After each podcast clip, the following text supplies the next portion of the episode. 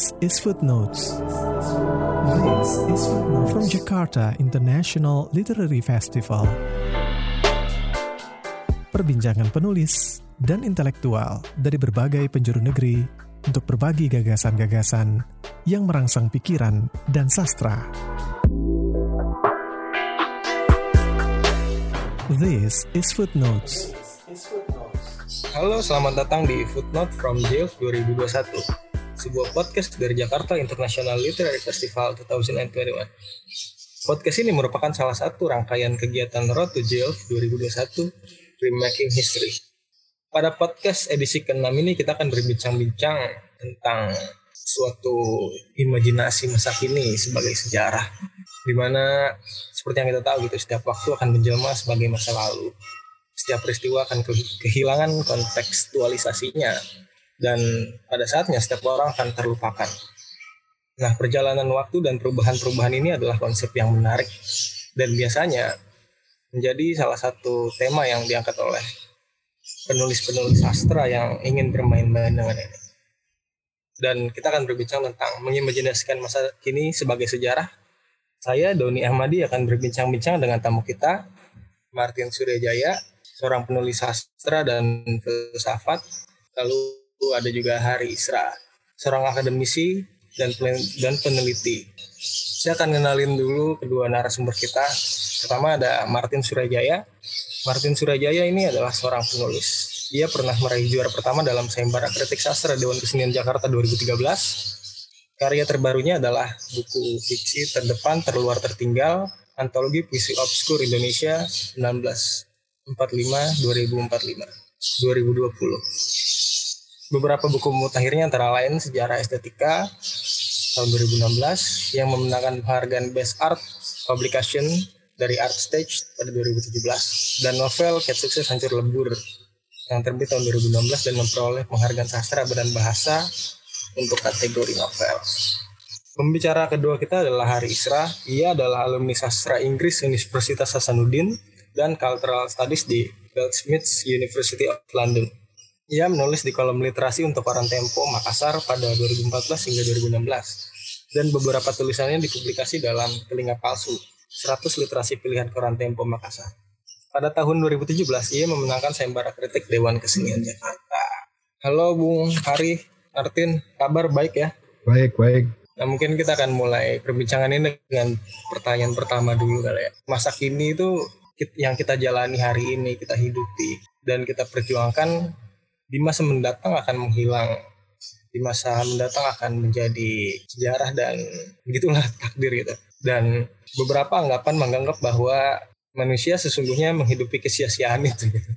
Bagaimana pandangan kedua narasumber kita tentang tentang konsep barusan ya? Mungkin Bung Hari dulu kali ya. Saya pikir ketika kita bicara kesia-siaan berarti kita bisa terlepas dari bicara tentang memori ya. Jadi bagaimana sebuah ingatan itu bisa uh, dirawat dari satu masa ke satu masa. Jadi sebenarnya saya kurang setuju kalau misalnya kita bilang um, apa, manusia sesungguhnya hanya menghidupi kesia-siaan. Karena semua gantung lagi kepada uh, bagaimana sebenarnya ingatan itu dirawat ya. Jadi ingatan itu kan memori terutama memori kolektif dia butuh seremoni. Nah seremoni um, dan butuh seremoni itu butuh um, apa butuh sesuatu yang diperform gitu ya dan butuh juga praktik yang um, dilangsungkan dalam kehidupan sehari-hari. Ya, katakanlah kita kalau kita bahas memori tentang 65 kenapa bisa begitu awet sampai sekarang ya? Karena itu, karena ada terus seremoni yang dilangsungkan gitu. Nah, um, apa um, apakah dia akan hilang atau ditelan masa? Boleh jadi personal memorinya hilang, tapi memori kolektifnya uh, tetap ada gitu. Jadi tergantung apakah pengalamannya itu uh, direkam baik secara tertulis, visual atau di visual dan seterusnya atau tidak gitu. Nah, saya pengen uh, ada satu cerpen yang menarik sekali menurut saya terkait dengan tema kesesiaan ini ya. Cerpen itu ditulis oleh Peter Bichel, itu uh, penulis dari Swiss ya, kelahiran 35 kalau saya nggak salah. Dan uh, cerpennya itu berjudul A Man Who No Longer Wanted to Know Anything. Jadi ceritanya orang yang udah nggak pengen tahu apa-apa lagi gitu. Jadi suatu ketika dia melihat uh, mengangkat telepon, sedang telepon, dengar uh, ada temannya bertanya, "Bagaimana cuaca hari ini?" "Cuaca hari ini bagus." Tapi dia tidak ingin mengetahui itu. Akhirnya dia memutuskan untuk menutup jendelanya dan tidak ingin mengetahui apa pun dari dunia luar. Nah, tapi apa yang terjadi pada dia adalah malah ketika dia uh, menutup dirinya dari dunia luar dan tidak ingin mengetahui apa-apa, malah dia mengetahui sesuatu bahwa oh ternyata begini rasanya hidup di tengah kegelapan ya. Dia mengetahui sesuatu yang baru dan akhirnya um, istrinya berulang kali uh, menanyakan uh, mungkin kamu uh, banyak hal yang tidak tidak kamu ketahui. Akhirnya coba kamu pelajari uh, bahasa Cina. Wah akhirnya dimulai kembali seperti hidupnya dan pelajari bahasa Cina. Dan ujung-ujungnya um, hidupnya kembali menjadi normal. Nah, apa yang mau dikatakan oleh bisa menurut saya adalah usaha untuk menjadi sia-sia pun berujung pada sebuah kesia-siaan gitu. Mungkin itu uh, apa uh, apa sedikit pandangan dari saya dan sedikit kalau kita lihat juga misalnya ya um, apa katakanlah status-status di Facebook 10 sampai 12 tahun yang lalu ya ketika masa Facebook itu belum dicemari oleh begitu banyak hal ketika orang bermain Facebook hanya dengan um, urusan untuk mengenal satu sama lain ya. Nah, uh, barangkali data-data uh, itu pada awalnya tidak berguna, tapi di kemudian hari bisa menjadi sebuah data sejarah gitu loh. Jadi kesia-siaan bisa jadi sifatnya sangat temporer. Oke, nah oke kalau sebenarnya kalau ngomongin kesia-siaan itu kan ya problem relatif ya soalnya ya maksudnya banyak hal itu yang dianggap sebagian orang sebagai hal yang penting bagi sebagian yang lain dianggap sia-sia kan gitu kan. Jadi kan selalu relatif terhadap sudut pandangnya kan. Dan dalam banyak ekspresi kebudayaan itu terjadi ya maksudnya kesenjangan antara perspektif tentang kesia-siaan itu. Jadi dalam banyak hal kan kebudayaan itu adalah dialog atau silang sengkarut antara berbagai model kesia-siaan sebetulnya. Ada orang yang memandang misalnya dalam kebudayaan urban lebih baik bekerja mencari uang itu sebagai sesuatu yang nilai paling tinggi kan, yang tujuan paling tinggi dalam hidup itu itu mencapai keselamatan lewat uh, kesuksesan finansial dan seterusnya. Tapi bagi yang sebagian masyarakat lain enggak seperti itu. Jadi yang dianggap sebagai keren oleh yang dari golongan urban ini dianggap katrok oleh yang golongan uh, maksudnya katakanlah pedesaan misalnya gitu. Jadi antara yang satu menganggap itu keren, yang satu menganggap itu sia-sia, itu nggak ada gunanya dan apa buat apa gitu. Buat apa ngumpulin duit kalau misalnya jadi malah jadi penuh dengan penyakit psikologis penyakit mental sakit jiwa terus uh, berbagai tekanan hidup dan seterusnya kan.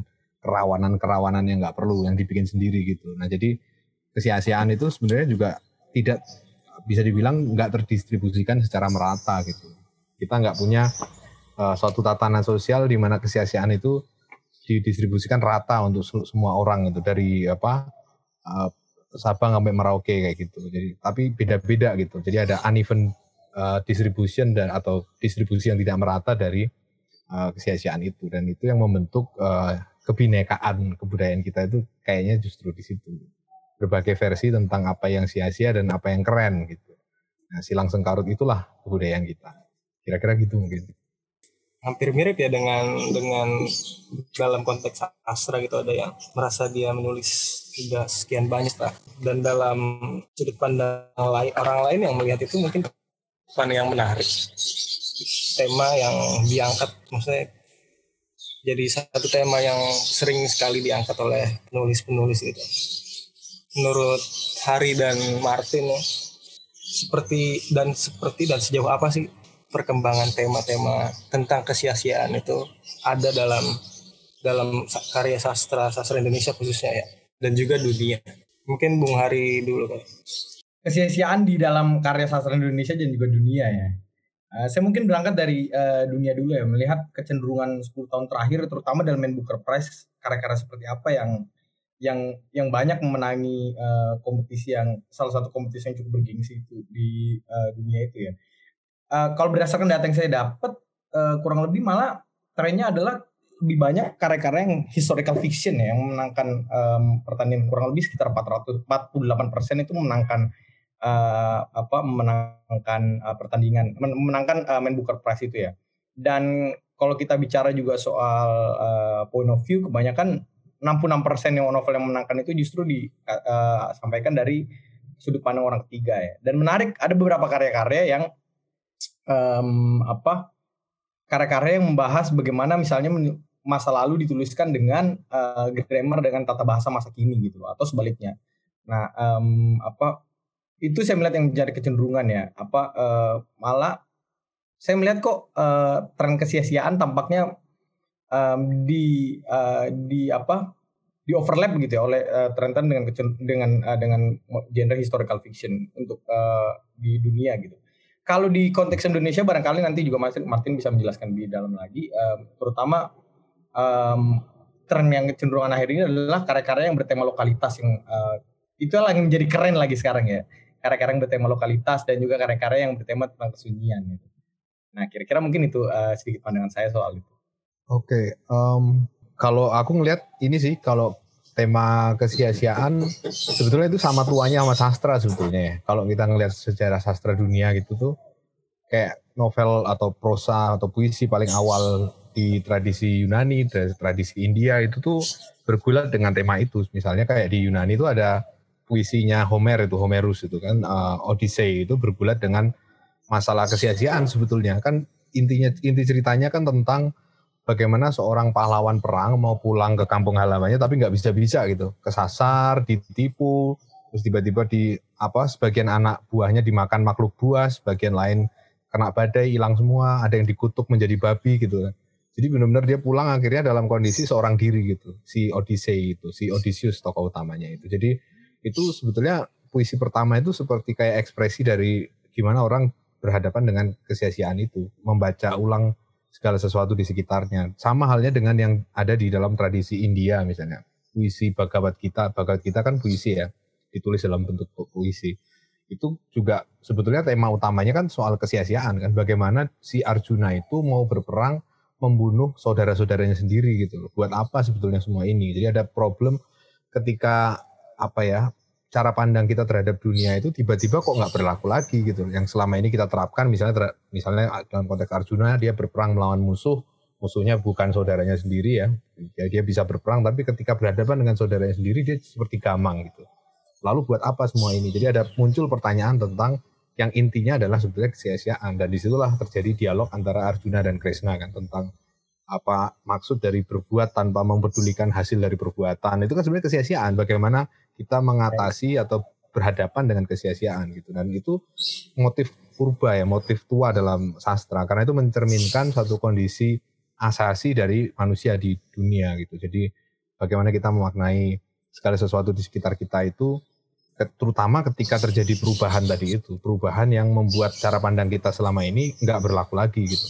Ketika cara pandang yang lama ini masih berlaku dan normal-normal aja bisa diterapkan, ya kita nggak akan merasakan itu. Kayak misalnya kalau, kalau kita ngelihat balik ke Homer tadi, Homerus, puisi pertamanya dia kan Iliad ya, dia tentang penyerbuan pasukan Yunani ke Troya di Asia Minor gitu. Di situ isinya wiracarita, heroik gitu, nggak ada unsur-unsur eksistensial, nggak ada kegelisahan atau semuanya perang gitu. Kita maju perang, memenangkan uh, per pertempuran itu. Nah, yang menjadi uh, muncul motif membuat muncul motif kesia-siaan itu justru setelah perang itu. Ketika setelah perang itu selesai, orang mau pulang ke kampung halamannya yang sementara yang lain-lain juga yang para pahlawan lain yang dulunya memenangi ya maksudnya jenderal-jenderal yang ikut memenangkan perang itu satu persatu juga bernasib buruk semua gitu mati dibunuh istrinya seperti salah satu tokoh di sana terus ada juga yang di dunia dianggap sebagai pahlawan paling perkasa dan seterusnya terus kemudian jadi bayang-bayang di neraka dan seterusnya yang ternyata apa yang selama ini di, di seolah-olah di buku sebelumnya itu dianggap sebagai apa ya pencapaian paling keren gitu ternyata kok katrok semuanya mati semuanya apa semuanya dan seterusnya gitu. Jadi muncul pertanyaan tentang lah terus buat apa gitu. Nah itulah yang menjadi dasar ya motif dasar kesusastraan kalau aku pikir. Itu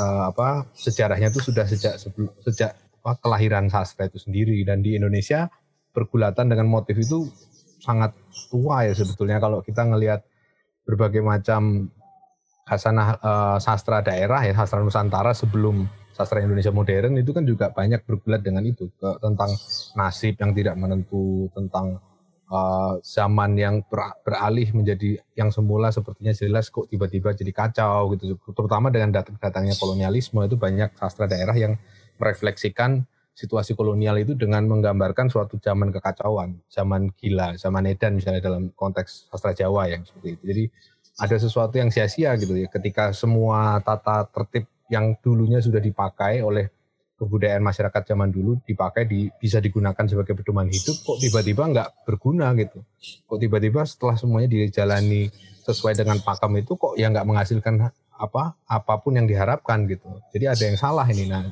sesuatu yang lenyap ini loh, sesuatu yang apa ada sesuatu yang nggak nggak pada tempatnya itu yang mencerminkan lahirnya kesusastraan modern. Kalau kita ngelihat sastra Inggris kan juga gitu kan, kayak misalnya Shakespeare itu ada satu ungkapan yang terkenal dari dia kan bahwa the time is out of joint gitu. Bahwa waktu itu meleset dari sambungannya, meleset dari engselnya gitu. Dia melihat zaman tempat, tempat dia hidup itu sebagai suatu zaman di mana waktu itu meleset. Jadi nggak pas di sambungannya tapi kayak agak geser gitu. Kayak ibaratnya tungkai kita itu meleset gitu. Sehingga ada yang nggak pas nih, ada yang nggak ada yang apa cara pandang lama yang nggak bisa kita terapkan gitu. Dan itu yang kemudian uh, berkembang jadi motif kesia-siaan itu di dan di Indonesia sastra Indonesia modern banyak sekali ya kita lihat karya-karya Pram di tahun uh, salah satu cerpennya yang panjang ya hampir kayak novela itu apa sunyi senyap di siang hidup gitu dia ditulis di waktu dia ngekos di daerah tempat kosan saya sekarang ini daerah apa uh, Rawasari Salemba gitu Salemba Tengah gitu daerah-daerah situ. Dia dulu kan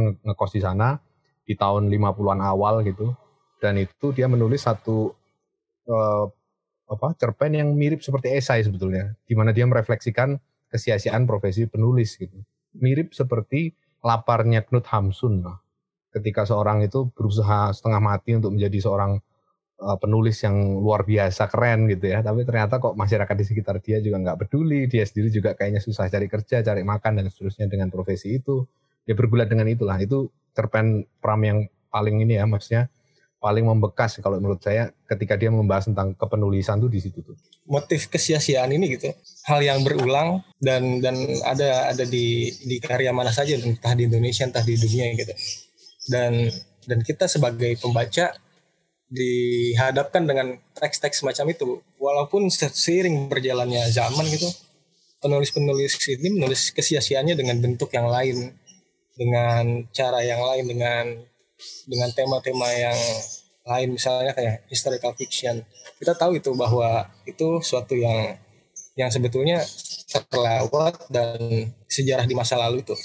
Menurut kedua pembicara kita ini bagaimana tanggapan kalian gitu sebagai pembaca ketika berhadapan dengan teks semacam itu gitu apakah kesia-siaan ini adalah sesuatu yang berulang atau jangan-jangan sesuatu yang berulang ini seperti yang kita bahas awal-awal jangan-jangan ternyata kesia-siaan ini hanya semacam hanya perspektif aja gitu. Bagaimana kita melihat ya? Uh, apa saya sepakat dengan Martin tadi ya bahwa kesia-siaan tampaknya adalah sesuatu yang um, yang memang ada sudah sejak dahulu kala dan sampai sekarang ya. Bahkan bukan cuma di dunia sastra ya. Dunia sehari-hari pun banyak kita melakukan aktivitas-aktivitas yang sebenarnya sia-sia gitu loh.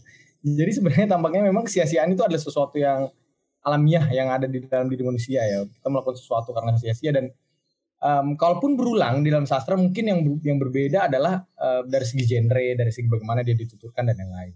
Kira mungkin seperti itu. Kalau Martin ya. gimana Tin? Ya. Kamu melihat uh, kesia-siaan dan menjadikan itu tema.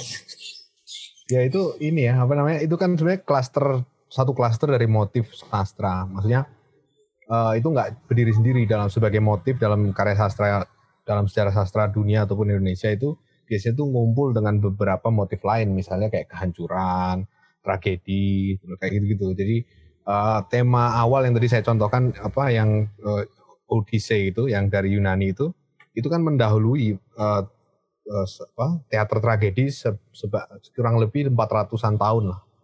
500 tahun kemudian lahirlah teater apa tradisi teater tragedi gitu. Jadi ya rujukannya yang bentuk paling urbanya ya dalam konteks Yunani yaitu si uh, Odyssey itu. Jadi suatu tema tentang ke kekacau kehancuran terus uh, apa kemalangan nasib yang malang dan seterusnya itu terkait de, sangat dekat dengan masalah itu ya.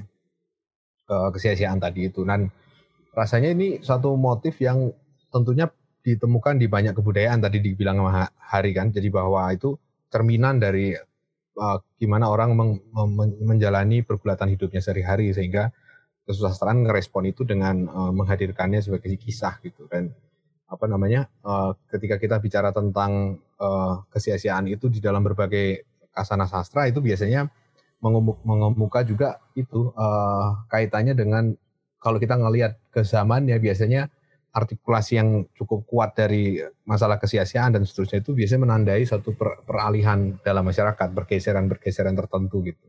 kayak tadi yang contohnya di dalam konteks sastra Nusantara itu motif tentang itu tuh muncul hampir berbarengan dengan kolonialisme misalnya gitu. Jadi ada ada satu perubahan di masyarakat yang membuat motif itu tiba-tiba itu naik naik daun gitu. Banyak banget diekspos gitu. Yang sebelumnya ada tapi sifatnya laten ya, nggak nggak mengemuka dengan kuat tapi di dalam konteks uh, perubahan yang terjadi itu tiba-tiba dia muncul gitu. Dan kemunculannya bisa dalam berbagai bentuk ya. Kayak tadi uh, Kurt Vonnegut dan dia banyak ngerespon tentang situasi uh, perang dunia kedua gitu kan situasi perang Vietnam atau era-era itulah dia kan ngalamin ya di di Slaughterhouse novelnya yang dia itu kalau nggak salah novel pertama itu. Dia kan mengeksplor tentang itu tentang kesia-siaan. Motifnya kesia-siaan tetapi dia tempatkan dalam satu cerita yang seperti science fiction kan tentang orang diculik sama UFO dan seterusnya gitu. Dan cara menuturkannya beda itu. Kan itu itu adalah uh, ke kontribusi dari setiap sastrawan ya. Bagaimana menceritakan hal yang sama dengan gaya ungkap yang berbeda-beda gitu. Aneka apa kontribusi dalam sastra kan bisa diukur dari situ ya. Bagaimana kita bisa me, menghadirkan suatu kisah yang sebetulnya itu sama lah problem manusia dari dulu kan sama. Tapi bagaimana itu bisa dikemas atau dinyatakan dengan cara yang berbeda-beda mulai dari yang uh, apa heroik yang dramatis sampai dengan cara yang kayak sini satir dan seterusnya itu. Dan itu ya itu tadi itu ekspresi dari bagaimana kita berhadapan dengan fakta kesia-siaan itu. Dan itu pengalaman pembaca tentunya juga akan beda-beda karena pembaca yang satu akan menganggapnya kesia-siaan itu kadang-kadang orang nggak ngeh kan. Orang-orang baca teks itu dianggapnya wah ini keren nih gitu. Kayak misalnya katakanlah kita mengambil novel uh, pembaca dari abad ke-14 katakanlah gitu ya. Atau ya abad ke-14 jadi uh, apa uh, novel Don Quixote itu. Itu dibaca misalnya di zaman kejayaannya uh, cerita-cerita ke satria gitu ya, abad ke-13 12 gitu jauh sebelum dia ada kan jauh sebelum Don Quixote dilahirkan misalnya dibaca dalam konteks itu ya dia akan dibaca sebagai karya yang keren ya karya agung dalam arti mengekspresikan nilai-nilai yang keren dari kesatriaan itu gitu. Tapi ketika dia dibaca dalam konteks zamannya, ketika nilai-nilai kesatriaannya sudah hancur semua, ya dia akan dibaca sebagai satu karya yang ngeledek ya, satir ya, mengeledek uh, ideal-ideal kesatriaan gitu. Tapi ketika kita geser pembacanya, konteks pembacanya, maka pembaca yang lain akan menganggap itu sebagai betul-betul cerita tentang bagaimana kita seharusnya menjadi seorang satria yang keren gitu. Nah, itu kan beda ya. Jadi apa yang apa yang sia-sia di bagi sebagian pembaca justru dianggap sebagai keren oleh pembaca yang lain gitu. Nah itu tadi motifnya tentang ketidakmerataan tadi itu. Kira-kira gitu. Jadi emang itu analogi yang menarik sih ketika karya dari masa depan misalnya dihadirkan pada hari ini mungkin kita nganggap itu yang sesuatu yang keren ya. Dan dan ini pas nih mungkin dengan apa yang kita bahas gitu. Soal mengimajinasikan masa kini sebagai sejarah. Nah, bagaimana sih kalian berdua nih Hari sama Martin gitu membayangkan diri sebagai manusia hari ini yang hidup pada hari ini sebagai masa lalu lah dalam artian. Dan bagaimana cara yang tepat mungkin ya cara yang tepat gitu. Masa lalu itu tetap hidup ke di tahun-tahun yang mendatang. Dan konteks apa sih yang bakal kalian pilih yang bakal menarik atau dan semacamnya itu? Maksudnya kalau kita uh, kita sebagai orang yang di masa kini kembali ke masa lalu gitu. Begitu maksudnya? Hmm. iya atau atau bisa dibalik ketika kita hari ini kita hari ini menulis tentang hari ini dan bagaimana sih 100 tahun ke depan gitu kita membayangkan masa depan misalnya 100 tahun lagi tulisan kita dibaca gitu. Wah, gimana caranya?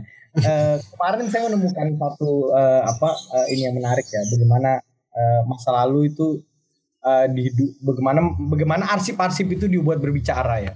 Uh, terutama melalui karya sastra. Jadi ada uh, penulis namanya Hilary Mantel itu yang memenangkan Booker Prize tahun 2009. Dia menulis trilogi uh, apa Hall judulnya itu cerita tentang Thomas Cromwell ya uh, di masa Revolusi Prancis. Nah, apa yang menarik dari dia adalah justru uh, dia mencari uh, apa yang tidak dikatakan oleh arsip itu.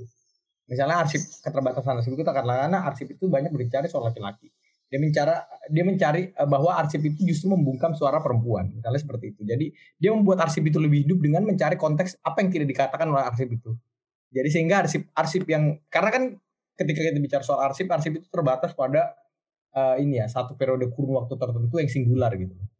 Nah, uh, apa yang dilakukan adalah mencoba menginterpretasi arsip itu dengan cara yang melihat apa yang tidak ada di arsip itu. Dengan cara seperti itu konteks peristiwa sejarah pada saat itu bisa menjadi lebih hidup melalui karya sastra. Ya, kalau aku mah melihatnya ini ya apa namanya?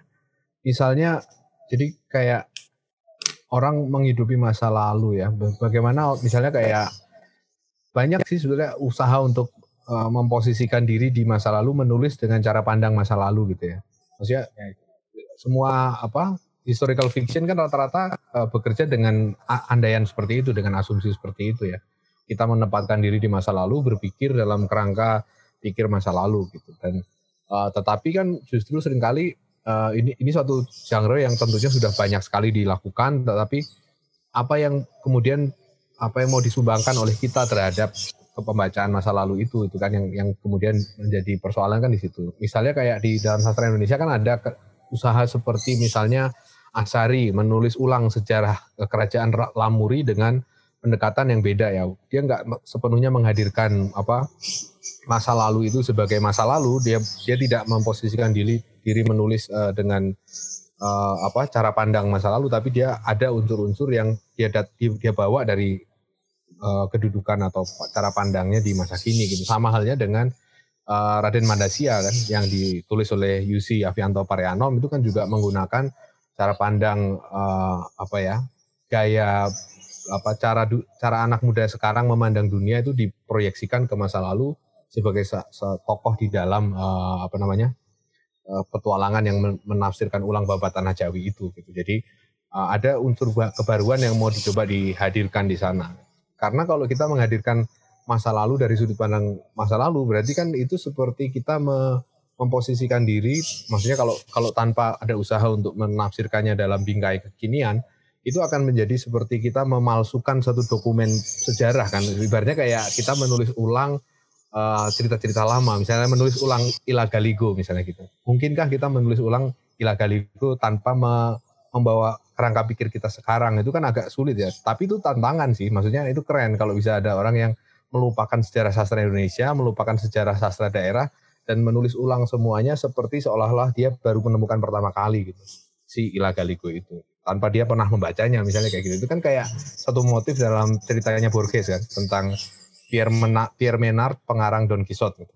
Cerpen itu bicara bahwa ada seorang penulis uh, novelis yang ingin mengarang Don Quixote dia pernah baca Don Quixote ya itu dikarang oleh Cervantes dia tahu itu tapi dia pengen uh, dia menulis ulang seolah-olah sastra itu nggak pernah terjadi setelah Don Quixote, setelah Cervantes itu nggak ada lagi sejarah sastra gitu.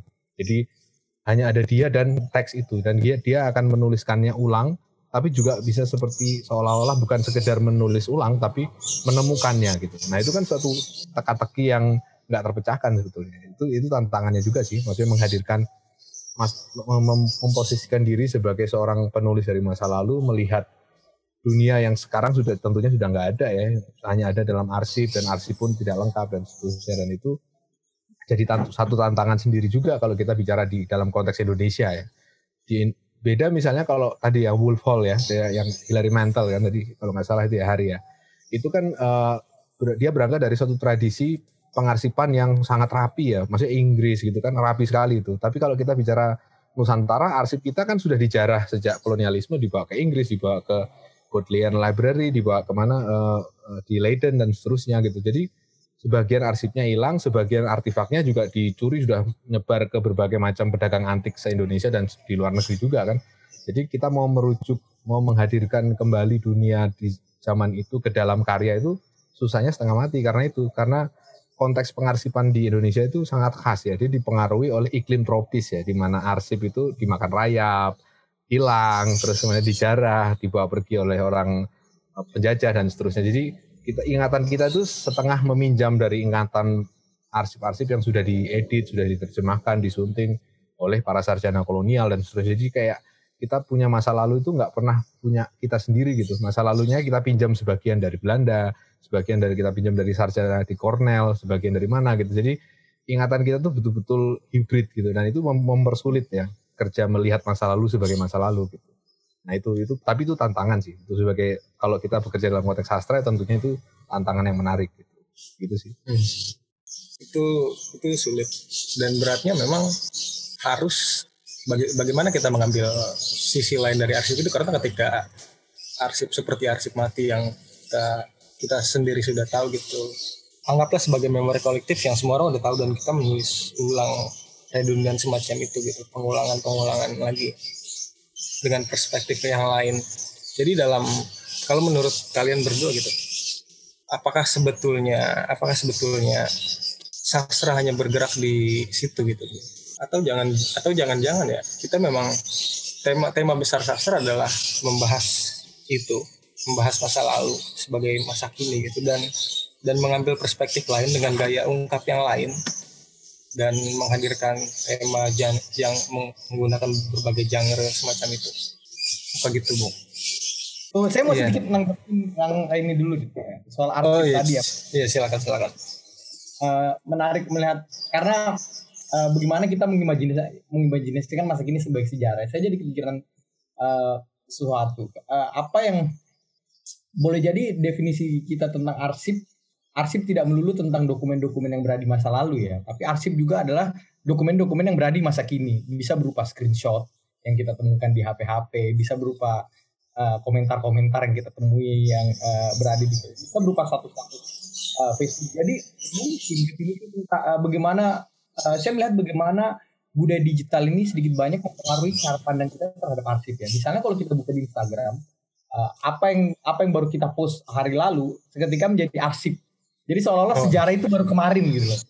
Nah, boleh jadi ini sedikit mengganggu pandangan kita tentang jangan-jangan apa yang kita maksud dengan sejarah bukan lu adalah sesuatu yang terjadi di masa lalu gitu. Maksudnya bukan sesuatu yang di distant past gitu ya. Yang jauh di masa lalu. Jangan-jangan yang sedikit yang baru terjadi kemarin juga bisa kita katakan sebagai sebuah sejarah gitu loh.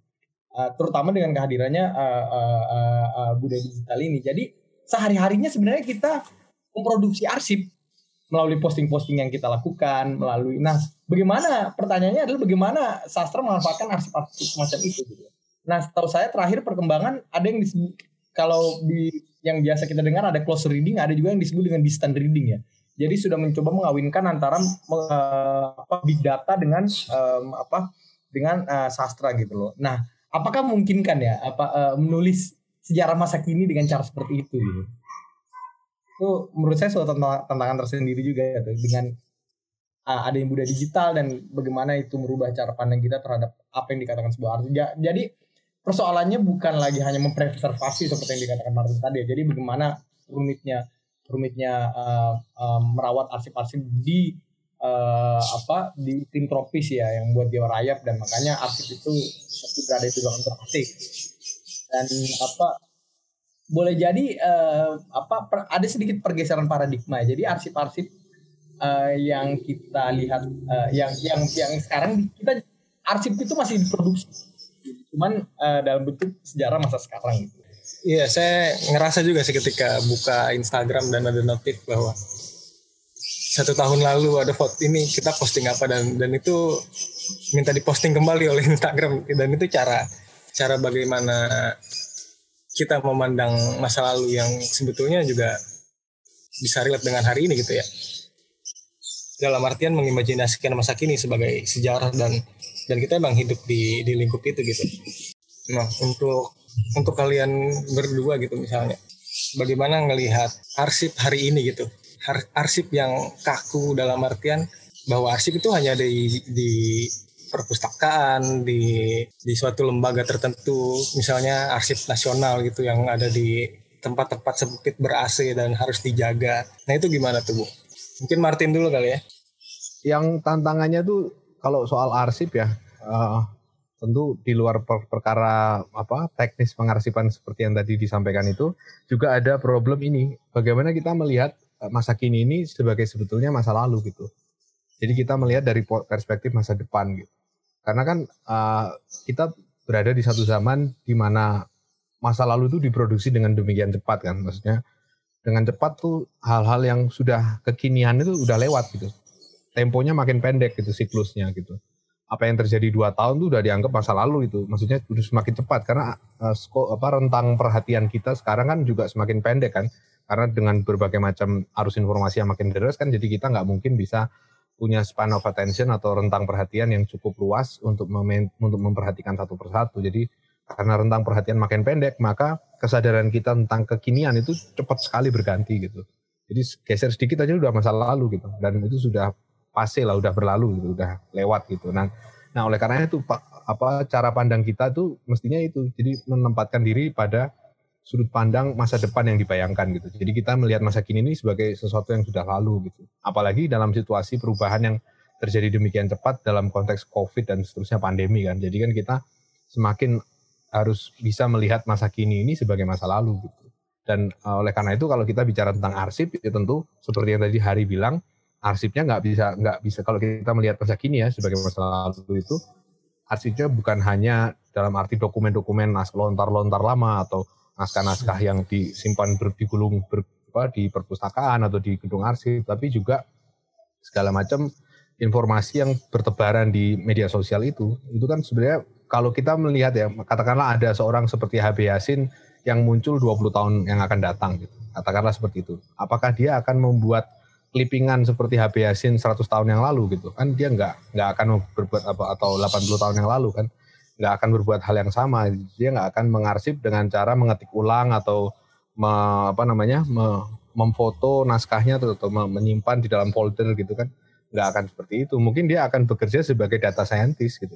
Si HB Yasin 20 tahun yang akan datang itu dia bekerja bersama dengan ahli data yang mengelola tahu caranya mengekstrak dari sumber-sumber lama masuk ke dalam deep web dan seterusnya kayak gitu bongkar segala macam yang ada di dalam isi itu semua gitu. Dan menghadirkan centang perenang yang adalah hari ini itu. Dan itu eh, pekerjaan yang jauh lebih susah ya daripada HB Yasin karena HB Yasin waktu itu kan dia tugas dia kan hanya memilih ya. Memilih dari karya yang juga jumlah juga nggak banyak kan. Hanya ada sedikit karya pada masa itu yang beredar gitu dan dia bisa pilih gitu. Nah sekarang kan produksinya banyak banget gitu. Kalau kita bicara tentang pengarsipan dalam konteks hari ini kalau kita posisikan sudut pandangnya kita di 20 tahun yang akan datang itu kan kita ngelihat arsip kita hari ini yang kita hasilkan itu kan banyak sekali. Lewat segala macam cuitan kita di Twitter dan segala macam polemik kecil-kecilan itu kan banyak sekali kayak gitu. Dan itu susah banget diarsipkan gitu diurut satu-satu. Karena sering kali kan uh, satu orang uh, bikin statement apa di mana terus tiba-tiba itu gemanya kedeng baru kedengaran di layar-layar ketiga atau keempat gitu. Dan orang susah lagi ngelacaknya kan. Ini ke mana nih? Kok dari kok bisa ada orang rame ngomongin ini yang aslinya yang ngomongin di mana dan konteksnya seperti apa? Itu kan susah sekali. Jadi ada problem tentang jadi kritik sastra pun bisa kita bayangkan sebagai satu pekerjaan yang jauh lebih rumit sih di 20 tahun yang akan datang. Karena dia harus berhadapan dengan netizen hari ini itu yang di 20 tahun yang akan datang itu sudah menjadi masa lalu itu. Yang meninggalkan berceceran begitu banyak arsip itu.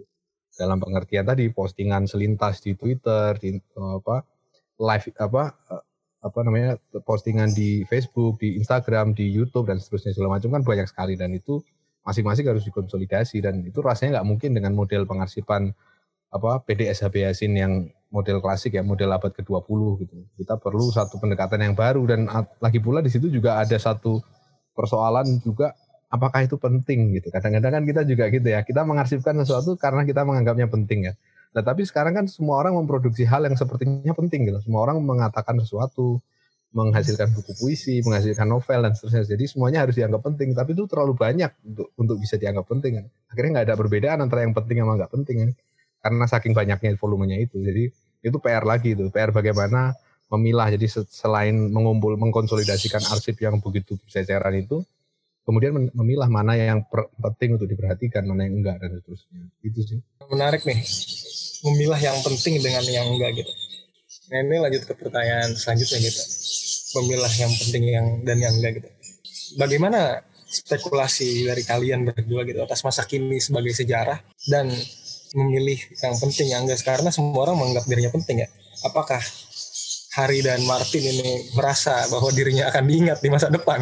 Gimana, Bung Hari, coba Bung Hari. Merasa diingat eh, apa memilah yang penting dan yang nggak penting dulu ya. Wah ini memerlukan kerja-kerja apa? Kerja-kerja kurasi, kurasi pengetahuan yang cukup luar biasa ya.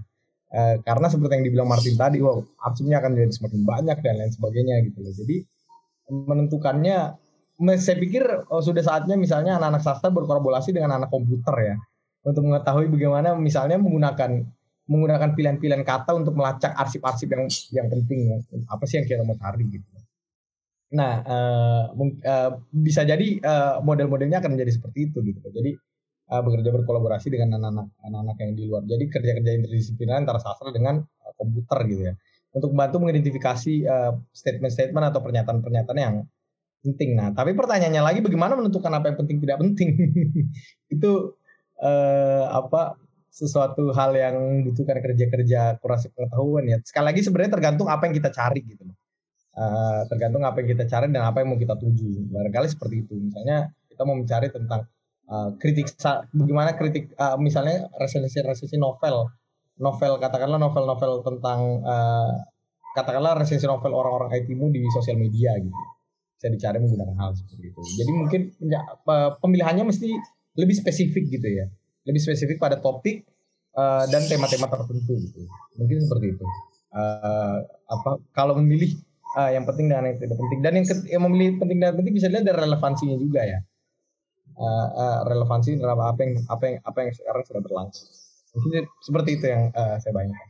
Kalau aku ngelihatnya ini sih persoalan apakah akan diingat di masa depan gitu tuh persoalan ingatan tuh sebetulnya itu persoalan abad ke-20 ya bagaimana kita akan diingat gitu atau abad ke katakanlah sejak era romantik sampai abad ke-20 lah gitu.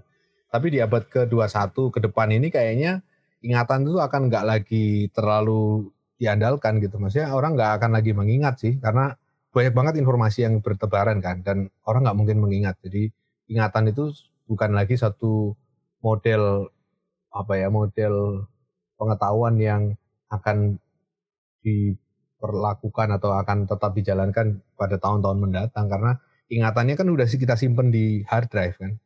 Di atau yeah. di iya. mana? Di HP atau ditaruh di server di Google Drive dan seterusnya itu. Sehingga kita nggak perlu mengingat gitu. Ingatannya udah kita taruh. Kalau kita perlu kita akan cari tahu akan cari lagi kan?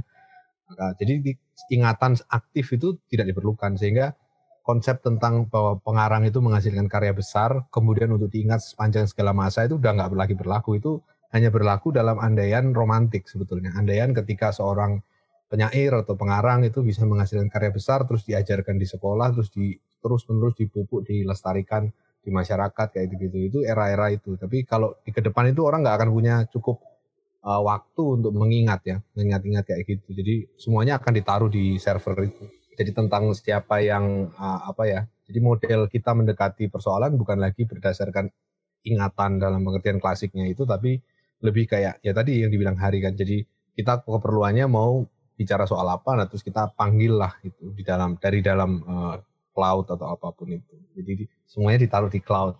Nah di dalam cloud itulah ingatan itu menjadi ingatan mesin gitu. Kita nggak lagi mengingat, kita cukup uh, apa mengaksesnya ketika perlu. Dan itu akan akan mengubah sih, akan mengubah cara kita uh, mem mempersepsi diri kita juga gitu. Kita bukan lagi mempersepsi diri sebagai seorang yang menghasilkan karya agar diingat atau untuk mendapatkan pencapaian-pencapaian yang ujungnya atau muaranya itu adalah ingatan atau itu udah nggak akan lagi seperti itu karena ya tadi itu walaupun tentu saja memang akan ada tetap orang-orang yang berkarya dengan asumsi abad ke-20 ya bahwa akan diingat bahwa akan terus namanya harum sepanjang segala masa itu itu masih ada tentu saja tapi praktik cara orang mengingat itu akan berubah dan oleh karenanya eh, masa depan itu nggak akan lagi jadi kayak pengulangan dari abad ke-20 ini aku lihat ya. Prosesnya akan jauh lebih radikal lagi. Jadi segala sesuatu yang bisa di bisa di outsource ke mesin akan di outsource ke mesin, ingatan. Bahkan sebagian sekarang kan juga seperti itu kan. Maksudnya kalau kita melakukan telaah teks itu, kalau pendekatan stilometri atau apa itu kan dulu kan masih dihitung itu gayanya masih apakah sama atau enggak kalau studi klasik ya, studi teks-teks klasik itu biasanya pakai kayak gitu. Nah sekarang kan diserahkan ke mesin, kita nggak perlu tahu, kita hanya tahu uh, keluaran dari uh, apa data statistiknya kan. Kita nggak perlu langsung kayak melakukan apa close reading terhadap teks itu satu persatu gitu enggak kita taruh ke mesin biar mesin itu yang melakukan pembacaan gitu. Jadi ya itu cara kita mendekati ingatan cara kita mendekati bahkan teks sastra itu sendiri juga akan geser gitu. Kritikusnya ataupun juga sastrawannya. Karena dengan begitu kan sastrawan nggak akan lagi ber apa ya ber, ber, bersembunyi di balik ilusi bahwa nanti akan kritikus akan bisa menemukan dia gitu, menemukan karya dia apa makna tersembunyi dari karya. Karena bukan bukan kritikus yang melakukan itu mesin kan. Dan itu hasilnya betul-betul uh, hanyalah satu telah statistik terhadap data tekstual yang ada itu. Jadi itu akan mengubah juga cara kita mendekati kepenulisan sih gitu. Ya, menarik menarik karena memang ini bisa bisa bisa juga kita bilang bahwa mengimajinasikan masa kini sebagai sejarah adalah sama dengan merekam imajinasi apa yang kita bayangkan gitu ya. Dalam artian kita membayangkan masa depan yang misalnya nggak perlu lagi arsip, kita hanya perlu klik sekali ini dan data sudah banyak dan semacamnya gitu. Nah dalam dalam konteks ini sejauh apa namanya sejauh mana sih imajinasi imajinasi akan masa depan? Ibaratnya imajinasi masa masa kini sebagai masa depan gitu. Yang yang menurut kalian berdua ini yang menurut kalian berdua ini berpengaruh atau aku kasih konteks gini misalnya misalnya film itu Back to the Future ya dia dia dibuat di masa lalu dan dengan mengimajinasikan masa depan gitu nah itu kan juga sebagai satu arsip ya dalam artian arsip arsip imajinasi di masa itu gitu dan ketika kita tonton pada hari ini itu itu udah nggak nggak masuk akal kan oh ini ini oh ini nggak ini nih nggak nggak relevan karena belum ada mobil terbang dan semacamnya Nah itu bisa bisa jadi hal semacam itu gak sih? Imajinasi masa kini gitu. Yang kita bayangkan di masa depan dan pada akhirnya sebetulnya akan jadi arsip-arsip lagi di masa depan. Mana Bung Hari? Nyambung ke ini ya. Ketika kita membayangkan uh, masa kini sebagai masa depan, barangkali apa yang bisa kita uh, lihat adalah apa yang apa yang apa yang masih ada, apa yang hilang dan apa yang um, apa yang masih ada, apa yang hilang dan apa yang baru gitu. Mungkin itu uh, itu tiga hal yang bisa kita kita cari um, apa kita cari gejalanya sekarang sekarang ini ya. Misalnya apa sih yang baru, apa sih yang baru berlangsung dan apa yang apa yang hilang dari apa yang telah terjadi dan apa yang baru gitu. Dengan melihat apa yang baru dan saya kira dengan melihat uh, itu kita bisa melihat bagaimana mengimajinasikan masa depan sejarah di masa depan gitu ya. Cuman um, kalau misalnya yang tadi jadi konteksnya adalah back to the future, saya pikir sejarah itu nggak bisa berlangsung linear ya. Dalam pengertian bahwa uh, apa apa yang misalnya berlangsung uh, katakanlah berlangsung di Eropa perubahan dari komunisme ke kapitalisme dan serta merta bisa terjadi di negara-negara bekas jajahan gitu ya. Jadi sejarah pun itu akan berlangsung dengan banyak banyak arah yang masing-masing yang kadang-kadang tidak tidak bisa diprediksi satu sama lain gitu loh. Jadi um, apa bahkan istilah seperti misalnya katakanlah late capitalism itu sendiri bisa jadi tidak cocok gitu loh dengan masyarakat-masyarakat yang uh, apa yang uh, belum bukan yang belum ya dengan masyarakat-masyarakat yang konteksnya itu bisa sangat berbeda dengan uh, istilah itu gitu. Jadi uh, barangkali ketika kita mengimajinasikan masa depan bahasa kini sebagai masa depan adalah hal yang perlu kita ingat adalah bahwa um, masa depan itu tidak bergerak ke arah satu arah gitu loh. Bahwa ada sebuah progres yang sifatnya teknologis ya bahwa kita akan mencapai seperti ini seperti ini seperti ini. Ada step-step saya kira uh, masa depan dia akan berlangsung seperti itu. Jadi um, akan bergerak ke masing-masing um, apa arah yang berbeda ya. Kira-kira gitu. Contoh sederhananya sebenarnya kayak gini sih. Bagaimana bagaimana orang-orang di uh, negara bekas jajahan merespon uh, merespon ini ya, merespon teknologi ya. Misalnya dibikinin mobil eh malah malah ma, yang semestinya dikaji, dibuat jadi tempat eh, buat uh, traveling eh malah dijadiin tempat jualan gitu loh. Tempat jualan atau uh, tempat jualan di belakangnya kalau malam-malam gitu kan. Nah, atau dibikin motor dibikin dijadiin be becak motor gitu loh. Maksudnya itu kan cara-cara cara-cara bagaimana uh, mensiasati apa yang tengah berlangsung ya. Saya kira sejarah pun akan terjadi secara seperti itu. Akan selalu ada siasat untuk uh, bertahan hidup dan akan selalu ada uh, uh, cara untuk dan akan selalu ada cara-cara yang berbeda untuk menyiasati apa yang berlangsung. Kalau aku ngelihatnya sama dengan ini sih, seperti halnya kesia-siaan masa kini itu tidak terdistribusikan secara merata gitu. Contoh sederhananya misalnya dalam sastra, masa kini di Jakarta sekarang, kalau kita geser ke misalnya ke Semarang gitu, kita akan menjumpai era 90-an dalam sastra Indonesia. Seolah-olah Rendra itu masih hidup, orang membaca puisi dengan gaya seperti Rendra, menulis puisi seperti Rendra, dan seterusnya. Jadi seolah-olah perkembangan setelah abad ke-20 itu nggak pernah terjadi, abad ke-21 itu belum nyampe, gitu, belum muncul di sana. Jadi ada ketidakmerataan eh, dari eh, masa kini itu. Karena itu masa depan pun juga akan mengemuka secara tidak merata. Ada ekspresi-ekspresi yang istilahnya kalau dalam konteks kritik sastra itu disebut sebagai atavisme ya. Atavisme itu dipakai sama Subagio Sastrowardoyo kan. Satu atavisme itu satu bentuk evolusi itu sebenarnya diambil dari konteks biologi kan. Ada bentuk evolusi di mana uh, kita mengalami kelainan tertentu, misalnya jari tangan kita ada enam gitu ya, yang sebetulnya itu adalah bentuk lain dari uh, gen purba kita gitu. Yang di masa lalu pernah ada seperti itu terus kemudian hilang. Nah kemudian muncul lagi di masa yang sepenuhnya sudah berbeda gitu. Nah atavisme seperti itu tuh terjadi dalam sastra gitu. Di dalam konteks tadi contohnya di Semarang itu sastra sastra yang berkembang di sana hari ini itu seperti sastra Indonesia sastra Jakarta di era 90-an gitu. Skenanya jadi kayak gitu. Jadi beda nggak merata jadi uh, hubungannya satu sama lain. Sehingga ketika kita membayangkan masa depan masa depannya pun akan menjadi tidak merata itu. Ini bukan soal kemajuan ya dalam pengertian bahwa Jakarta itu lebih maju daripada Semarang dan seterusnya, tapi soal bagaimana uh, satu periode itu bisa di apa ya bisa direntang lebih lama gitu. Kalau di Jakarta itu nggak nggak mereka nggak kayak kayak skena sastra dalam konteks Jakarta kan mengejar kecepatan kan. Ada yang baru kita mengikuti gaya baru dan seterusnya. Kalau di Semarang itu sastra modern dikerjakan dengan cara yang hampir menyerupai sastra tradisi yaitu pelestarian gitu kita melestarikan praktek yang ada gitu. Jadi periode 80 90-an itu kalau bisa ya dipertahankan selamanya gitu. Nah, ada ada cara-cara seperti itu meng, me, dalam menga, mengalami atau dalam dalam apa ya? dalam menghidupi masa kini gitu. Jadi masa kininya pun akhirnya berbeda-beda gitu.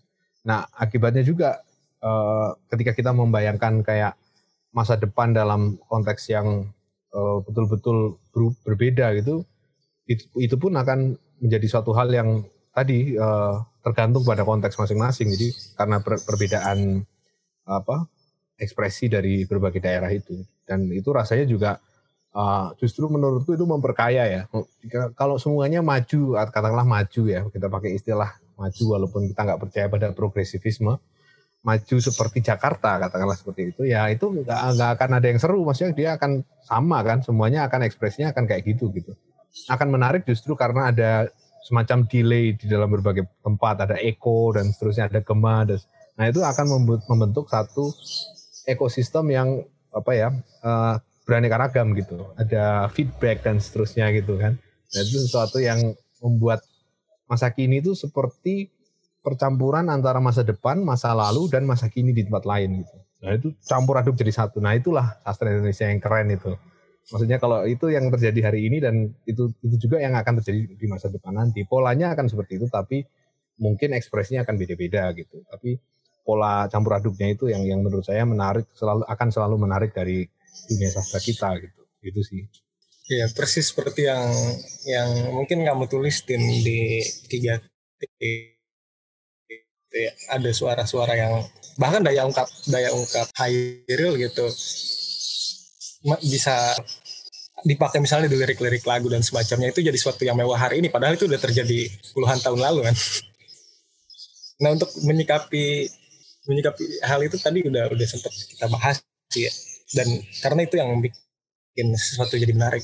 Tapi tapi pasti ada ya sinisme sinisme semacam yang dibilang bahwa apa jangan-jangan apa jangan-jangan nih estetika kita ini nggak berubah misalnya dari masa kini sebagai sejarah di tempat-tempat lain akan berjalan seperti itu gitu dan di kota berjalan dengan dengan dengan maju yang tadi kita kita bahas gitu.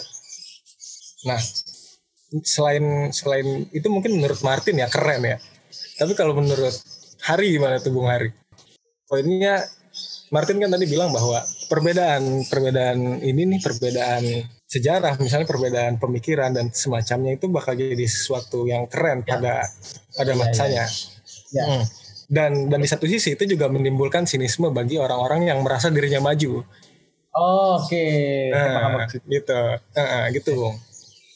Ya mungkin nah, untuk apa uh, sinismenya justru datang dari ini ya, apa bisa datang dari dua arah ya. Bisa datang dari orang yang merasa maju dan bisa datang dari orang yang merasa inferior gitu ya ini sini sini datang justru justru menurut saya um, apa uh, di situlah karena sinisme sebagai orang inferior itu muncul karena menjadikan sesuatu itu sebagai patokan gitu menjadikan misalnya misalnya patokannya katakanlah Jakarta dikasih jadi patokan gitu ya. Wah untuk menjadi keren itu kita harus mengikuti ke arah sana gitu loh. Nah saya kira problemnya ini terjadi karena nggak punya patokan sendiri gitu loh. Nggak bisa mendefinisikan bagaimana sih yang keren menurut kita sendiri gitu loh. Apain sih mesti ikut-ikutan keren menurut di sana gitu loh. Saya kira problemnya terjadi karena hal-hal seperti itu gitu loh. Jadi akhirnya kan ngikut gitu karena itu yang dianggap keren dan dianggap keren dan juga karena ada beberapa anggapan bahwa um, ketika kita biasa dianggap keren oleh ketika orang bisa dianggap keren oleh yang pusat ini dan terlegitimasi sebagai sesuatu yang menjadi nasional kan. Jadi kurang berani uh, menciptakan pusatnya sendiri dan menciptakan uh, uh, patokannya sendiri gitu loh. Menurut saya sih gitu. Seru ya. yang keren itu ini loh Don, apa? Tadi uh, Tadi kan Hari ngomong tentang bagaimana pusat dan daerah kan. Itu juga terjadi di dalam konteks di dalam apa yang disebut sebagai Jakarta sendiri. Karena Jakarta Baik. sendiri pun kan nggak semua tempat di Jakarta itu adalah katakanlah dianggap sebagai pusat kan. Ada juga tempat-tempat di dalam Jakarta sendiri yang juga katakanlah bisa dibilang sebagai semacam kelanjutan dari era 90-an gitu, era praktek-praktek sastra lama kita gitu itu juga ada di beberapa kantong-kantong budaya gitu seperti itu. Ya, ya, jadi jadi nggak semuanya dianggap sebagai Jakarta sebagai satu apa ya tempat yang Bangun secara gitu. ya ha, bukan sesuatu yang monolitik gitu, tetapi sesuatu yang sebenarnya berlubang-lubang gitu, banyak lubang-lubangnya gitu. Kalau kita ngelihat yang nggak berlubangnya memang kelihatannya um, mulus ya, kelihatannya sangat gemilang gitu. Tapi ketika kita melihat lubangnya, kita akan melihat bahwa ya kita menemukan diri kita di sana gitu. Aku yeah, tuh yeah. Iya. berasal dari latar belakang apa konteks dalam konteks sastra Semarang itu menemukan di Jakarta itu banyak sekali kantung-kantung seperti itu. Kalau nggak percaya datang coba ke Rawamangun ke Atlet Ciremai itu kan ada juga tuh walaupun di Jakarta Pusat itu tapi rasanya tuh seperti daerah gitu. Nah, itu ada iya, suasana yeah, yeah, yeah. seperti itu juga gitu.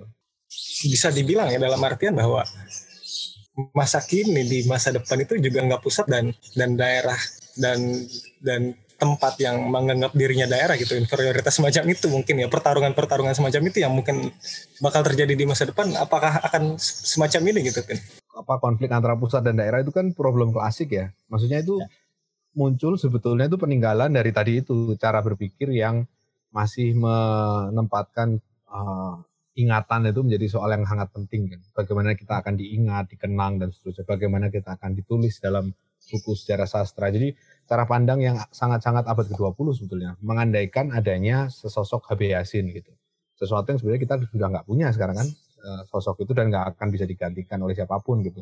Yang menggantikan sekarang kan algoritma di sosmed, di Twitter, di IG dan di Facebook dan seterusnya itu. Jadi itu yang akan menjadi kritikus sastra kita untuk waktu yang ke depan ini. Jadi uh, cara kita mengkonstruksi pusat dan daerah itu uh, nggak bisa lagi dengan cara yang seperti itu. Karena ya itu kalau kita masih menggunakan adanya pusat dan daerah dalam pengertian Jakarta versus yang bukan Jakarta atau Jawa versus yang bukan Jawa itu nanti jatuhnya akan kita mengasumsikan lagi bahwa ada semacam apa ya pemberi apa stempel sastra Indonesia itu yang kebetulan berdiam di Jakarta atau di berdiam di Jawa itu memberikan stempel. Padahal kan nggak ada itu. Sekarang kan nggak ada itu ya memang industri perbukuan memang besar banyak sekali di Jawa, tapi kan di tempat-tempat lain juga banyak dan orang sekarang nggak lagi mengakses uh, kesusastraan itu melulu dari buku kan. Kita bisa mengaksesnya dari berbagai macam sumber yang lain dari apa bahkan postingan-postingan di Facebook itu kan penyair-penyair Facebook banyak sekali tuh dan itu nggak nggak semuanya ada di Jawa gitu. Banyak sekali yang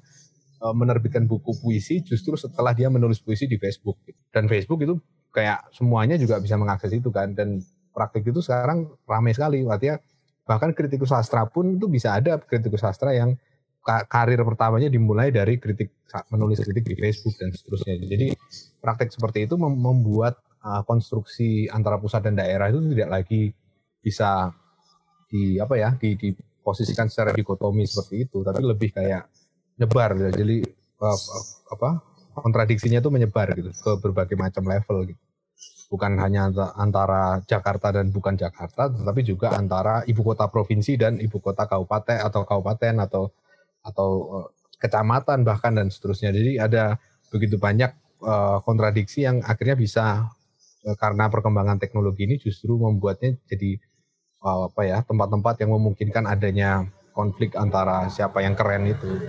Itu kan sebenarnya kita berdebat ini kan sebenarnya perdebatan tentang siapa yang keren kan dalam konteks sastra gitu dan itu yang kemudian tercacah demikian ber, menyebar ke segala arah di dalam berbagai macam uh, konteks sosial kita gitu. Misalnya kalau kita bicara ini kan sebenarnya juga kaitannya juga dengan politik identitas ya. Maksudnya bukan hanya orang uh, apa Jakarta dan bukan Jakarta, Jawa dan bukan Jawa, tapi juga antara misalnya perbedaan untuk orientasi seksual itu juga jadi isu kan. Apakah ada orang yang bisa menulis tentang uh, apa membawakan suatu apa ya pesan atau uh, cerita tentang pengalaman tertindas sebagai seorang lesbian katakanlah itu kalau dia tidak lesbian gitu. Sama halnya seperti apakah ada orang yang bisa menulis tentang satu masyarakat tradisi di mana dia penulisnya itu bukan berasal dari masyarakat masyarakat tradisi itu gitu. jadi ada semacam kritik terhadap e, cara pandang seperti itu kan. Orang memandangnya sebagai ah itu orientalis gitu. Memandang satu kebudayaan satu masyarakat lain Padahal dia sendiri bukan bagian dari situ gitu. Padahal kan enggak juga ya. Kalau dibilang orientalis kan sebetulnya kalau kita mengkonstruksi itu dengan satu politik tertentu kan. Padahal kalau kita menghadirkan apa yang ada di sana, terus kita mau berbicara bersolidaritas pada apa yang juga terjadi di sana itu kan juga sesuatu yang uh, suatu yang mungkin gitu, mungkin untuk dilakukan. Jadi tidak harus orang itu uh, menulis berdasarkan identitasnya karena kalau, kalau orang menulis berdasarkan identitasnya entah itu pusat atau pinggiran Jakarta atau bukan Jakarta dan seterusnya itu ya akan sulit sekali kita akan semakin meneguhkan politik identitas itu gitu. Gimana Bung Hari? Tanggapan dari tanggapan. Ya saya sepakat uh, dengan apa uh, yang dikatakan Martin ya. Oh, jadi kan biasa ada pandangan kalau dalam ilmu ilmu antropologi katakanlah pandangan emik dengan etik ya, pandangan dari dalam dan dari luar. Ya. Dan dua-duanya itu bisa legit bisa legit gitu. Sejauh misalnya uh, katakanlah tidak membawa cara-cara pandang kolonial ya. Katakanlah kita berusaha betul-betul untuk memahami apa yang terjadi dan bercerita tentang situ. Dan uh, persis uh, solidaritas bersolidaritas orang di situ. Dan tidak misalnya hanya tidak sekedar meromantisasi ya meromantisasi uh, dan mengeksotifikasi uh, apa masyarakat masyarakat tradisi tapi juga memahami seluk beluk bagaimana uh, uh, pergulatan mereka dengan kehidupan sehari-hari uh, dan seterusnya gitu Jadi um, apa mesti dipahami betul uh, konteks dan uh, apa apa yang berlangsung di masyarakat itu gitu. Tanpa membawa satu uh, set cara pandang tertentu dan untuk memahami masyarakat itu gitu. Jadi uh, kita kesampingkan dulu persepsi kita, coba memahami dengan baik, coba memahami secara mendalam dan kesampingkan apa yang apa yang prakonsepsi yang kita punya terhadap masyarakat itu. Saya kira dengan begitu cara-cara pandang orientalis itu bisa dihindari problemnya dari orientalisme itu kan sebetulnya ini kan asumsi tentang apa yang disebut esensialisme. Jadi seolah-olah ya. kebudayaan itu punya satu esensi kodratiah gitu ya. Yang hanya orang itulah, orang dari kebudayaan itulah yang bisa menuliskannya gitu. Orang yang lain nggak bisa mengakses esensi tersembunyi itu. Nah ini kan problem ya. Ini ya. berlaku bukan hanya terhadap konteks masyarakat tradisi atau etnisitas atau apa, tapi juga gender, terus berkaitan juga dengan uh, apa namanya, ya itu tadi uh, perbedaan antara perbedaan orientasi seksual dan seterusnya itu kan juga kayak gitu ya. Seolah-olah kalau orang hanya harus orang yang dari kelompok yang bersangkutan lah yang bisa bicara tentang kelompok yang bersangkutan gitu loh. Itu kan satu cara pandang yang tadi esensialis ya. Seolah-olah ada satu esensi yang tersembunyi yang hanya bisa diakses oleh orang yang bersangkutan, kelompok yang bersangkutan, dan orang lain nggak boleh gitu. Kalau kalau orang lain menulis tentang itu, maka orang lain itu melakukan imperialisme atau melakukan berbicara atas nama yang lain atau padahal kan enggak ya semua orang kan justru yang menarik justru kalau kita hidup di Indonesia kan kita juga dimotivasi atau didorong untuk berpikir dalam cara dalam cara berpikir orang lain, dalam cara berpikir kebudayaan lain itu. Itu kan cara kita berada kan. Maksudnya sebagai bangsa kan kita berinteraksi dengan cara seperti itu kan. Jadi justru baik kalau misalnya kita, menurut saya ya, kalau kalau kita menempatkan diri dalam kondisi misalnya saya pengen tahu rasanya jadi orang Papua misalnya seperti menulis seperti orang Papua kayak gimana sih gitu misalnya atau menulis jadi orang Aceh seperti apa sih nah itu itu justru satu hal yang menarik. Justru kalau itu kalau yang tadi itu kan justru melarang hal-hal seperti ini kan. Melarang kita untuk melakukan apa ya residensi spiritual lah, residensi rohani ke dalam alam kebudayaan yang lain gitu. Itu nggak boleh kalau dengan model yang tadi itu. Nah itu problemnya di situ itu. Iya, iya, karena ada selalu ada tanggapan kayak gitu ya dalam artian ini kenapa selalu orang Jawa sih yang nulis Papua dan semacam itu. Padahal kalau kalau menurut ini pribadi ya ya kita bisa lihat dari teks sebetulnya kan bagaimana bagaimana pengarang ini memposisikan dirinya di dalam teks itu dalam narasi itu apakah dia layak disebut orientalis atau semacamnya? Dan gitu dan dan persoalan sastra emang balik lagi sih menurut saya. Lari ke teks dan semacamnya. Nah cara pandang cara pandang semacam ini kan masih terus ada gitu ya. Akan terus ada dan dan selalu terus ada sebagai kita sebagai masa masa kini atau sebagai sejarah gitu. Nah siasatnya apa sih kira-kira bu? Siasat bahwa bagaimana sih cara cara agar cara pandang ini enggak apa namanya nggak berlaku lagi atau atau jangan-jangan lebih baik anda cara pandang ini gitu. gimana Bung Hari? Saya pikir mungkin ini satu ya ketika uh, apa uh, ketakutan itu barangkali ya hmm, muncul cara pandang esensialis itu uh, ya barangkali muncul uh, karena ketika misalnya saya menyuarakan saya menyuarakan uh, ini saya menyuarakan katakanlah saya saya bersuara atas nama atas nama kelompok masyarakat tertentu sementara saya bukan bagian dari situ adalah saya membuat masyarakat tertentu itu diam dan tidak bisa bersuara gitu. Mungkin itu ketakutan-ketakutan yang yang yang yang uh, muncul ya dari situ ya. Tapi kalau misalnya kita kita seperti itu berarti seluruh banyak karya-karya Indonesianis kontemporer katakanlah yang membahas tentang uh, eh, 65 gitu ya. Uh, seperti Ruth McVie dan lain-lain berarti kita anggap sebagai esensialis dong. Nah, apa yang mesti kita lihat di sini sebenarnya ada katakanlah ada privilege nggak bisa dihindari yang dimiliki oleh sekelompok orang tertentu ya mungkin privilege itu bisa dipakai untuk berbicara terhadap kelompok-kelompok yang misalnya uh, belum punya kekuatan untuk berbicara seperti itu gitu Jadi ini sebenarnya kepentingan apa uh, hal-hal yang sifatnya strategis gitu uh, dalam beberapa kasus. Kira-kira seperti itu menurut saya. Jadi uh, apa um, hal-hal yang nggak bisa dimungkiri adalah ada sekelompok masyarakat yang memiliki privilege untuk yang bisa misalnya berbicara atas uh, berbicara atas hal itu gitu loh. Nah, tapi kembali lagi bukan untuk men, me, me, bukan untuk mastery ya, bukan untuk menguasai uh, uh, masyarakat itu dan bukan untuk menjadikan pandangan itu sebagai sebuah yang, hal yang esensialis ya. Kalau aku cenderung ngelihatnya uh, apa ya teknik atau tips supaya bisa lebih mengapresiasi yang kayak gitu ya, mulai ini sih, mulai melihat uh, kebudayaan sendiri sebagai kebudayaan yang lain gitu. Jadi ya, ya. melainkan diri sendiri gitu. Jadi merasa asing terhadap uh, apa yang kita geluti sehari-hari gitu. Misalnya kita menulis tentang Indonesia tapi kita seolah-olah menjadi Indonesianis gitu. Kita menulis tentang sejarah Indonesia kayak bikin misalnya Thomas Stanford Raffles History of Java tapi kita sendiri yang nulis gitu. Kita menulis itu jadi memposisikan diri dari kacamata orang lain gitu. Mem bereksperimen mengubah posisi itu, membuat apa ya? perspektif itu jadi lebih kaya gitu. Dan uh, usaha seperti itu menarik sih dalam konteks sastra ya. Misalnya dalam konteks misalnya bagaimana kita mengalami bahasa Indonesia sebagai sesuatu yang asing gitu. Bahasa Indonesia kan sudah melekat ya, maksudnya kita berpikir apa segala macam juga dalam bahasa Indonesia, mengumpat ataupun uh, bersyukur itu juga dalam bahasa Indonesia. Jadi kita nggak pernah bisa lepas dari situ. Tapi mungkinkah kita seperti menulis gitu, tapi menulis tanpa ada bahasa tertentu gitu. Belajar aja kita menulis, tapi kita nggak menulis dengan menggunakan bahasa apa pun gitu keluar sekeluarnya kita mencoba membuat atau mengarang satu uh, cerita di dalam bahasa yang bukan sepenuhnya bahasa Indonesia. Tentunya ada pengaruh dari bahasa Indonesia, tapi kita kayak merilekskan diri mengambil jarak terhadap uh, bahasa itu. Jadi tidak menggunakannya sebagai sesuatu yang sudah jadi terus kita uh, tinggal terapkan gitu. Tapi kita seperti menemu, menemukannya sebagai sesuatu yang asing gitu. Dan itu suatu apa ya? Usaha untuk itu sih. Maksudnya itu bisa dipakai mungkin untuk membuat kita lebih rileks ngelihat masalah identitas dan seterusnya itu. Berangkat ke kalian berdua nih yang merupakan kritikus sastra ya kritik menulis kritik sastra gitu.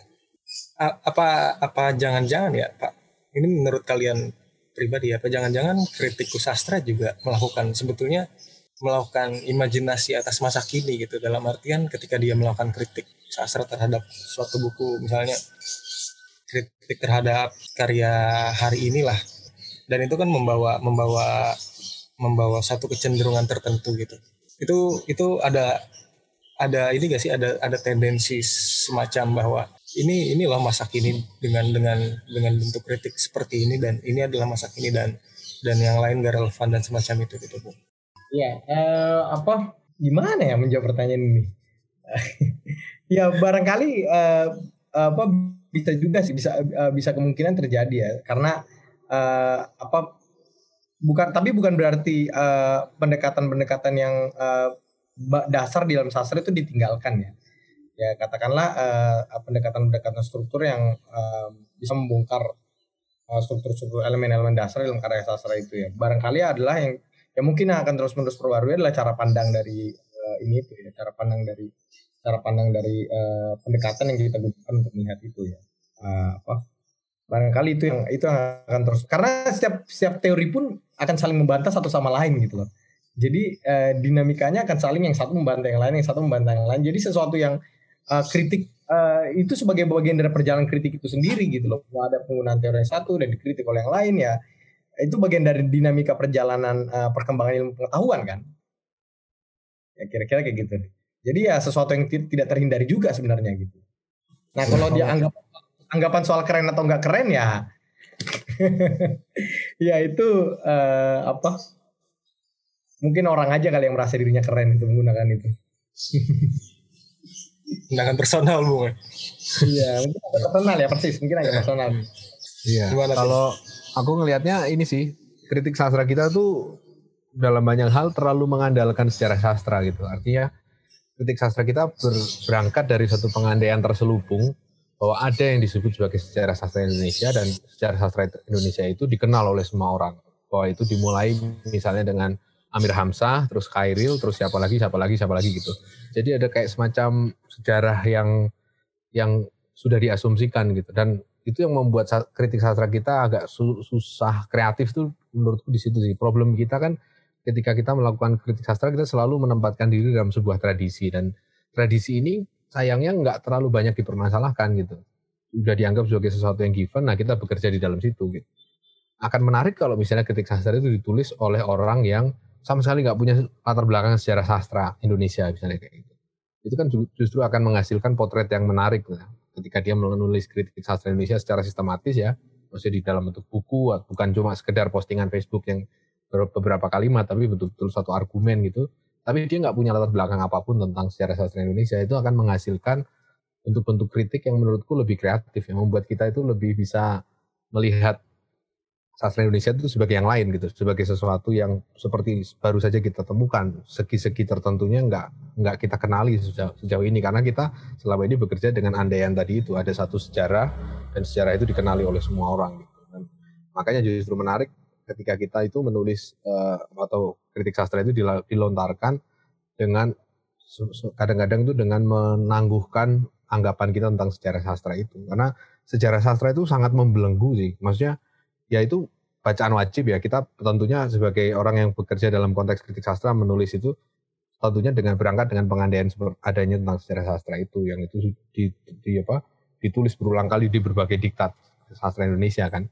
Tapi kan uh, itu satu model apa ya seperti uh, bentuk uraian yang sebetulnya itu sulit menghasilkan uh, sudut pandang baru gitu nah akan menarik kalau misalnya kritik sastra itu didekati secara lebih kreatif gitu. Maksudnya dia menulis uh, suatu kritik sastra terhadap sastra Indonesia di mana dia membangun terlebih dahulu misalnya sejarah sastra Indonesia menurut versi dia gitu. Misalnya menurut versi dia sejarah sastra Indonesia itu adalah apa yang ter, ter apa ya ter, terpublikasikan di majalah Bobo misalnya gitu. Nah dia berangkat dengan pengandaian adalah sastra Indonesia adalah sastra dari majalah Bobo itu. Nah terus dia menjumpai satu puisi katakanlah puisinya Aan Mansur atau puisinya dia anugerah atau siapa. Terus dia melakukan kritik dari sudut pandang pengetahuannya dia tentang puisi yang dimuat di majalah Bobo itu. Nah itu kan menghasilkan satu pertemuan-pertemuan yang yang membuat apa ya menghasilkan percik-percik permenungan yang menarik menurutku gitu. Daripada sekedar mengulang bahwa ini oh ini ter, apa genealoginya dari Sapardi, dari Sapardi nanti ditarik ke uh, apa Khairil dan seterusnya. Itu kan sangat ini ya, sangat linear gitu cara mem mem memaknai uh, kritik sastra kita tuh dalam banyak hal terbelenggu oleh sejarah gitu. Kita kita butuh sejarah yang lain gitu. Sejarah sastra Indonesia dalam bentuk yang lain itu. Nah untuk itu uh, rasanya menarik kalau maksudnya dengan pendekatan yang alternatif seperti itu gitu. Menarik ya, tapi sayang udah diingetin moderator. Oke, jadi aku ambil kesimpulan bahwa mengimajinasikan masa kini sebagai sejarah adalah sama dengan merayakan merayakan sejarah yang beragam gitu, sejarah yang banyak sejarah yang hidup hidup dari penulisnya itu sendiri dan dihidupi gitu. Terima kasih untuk Martin, Hari. Demikianlah perbincangan kita tentang mengimajinasikan masa kini sebagai sejarah, jangan lupa untuk mendengarkan juga podcast Road to Geoff 2021 yang lainnya. Ikuti terus media sosial Geoff atau Dewan Kesenian Jakarta untuk terus update informasi seputar Road to Jakarta International Literary Festival 2021 dan penyelenggaraan Jakarta International Literary Festival 2021. Sampai jumpa.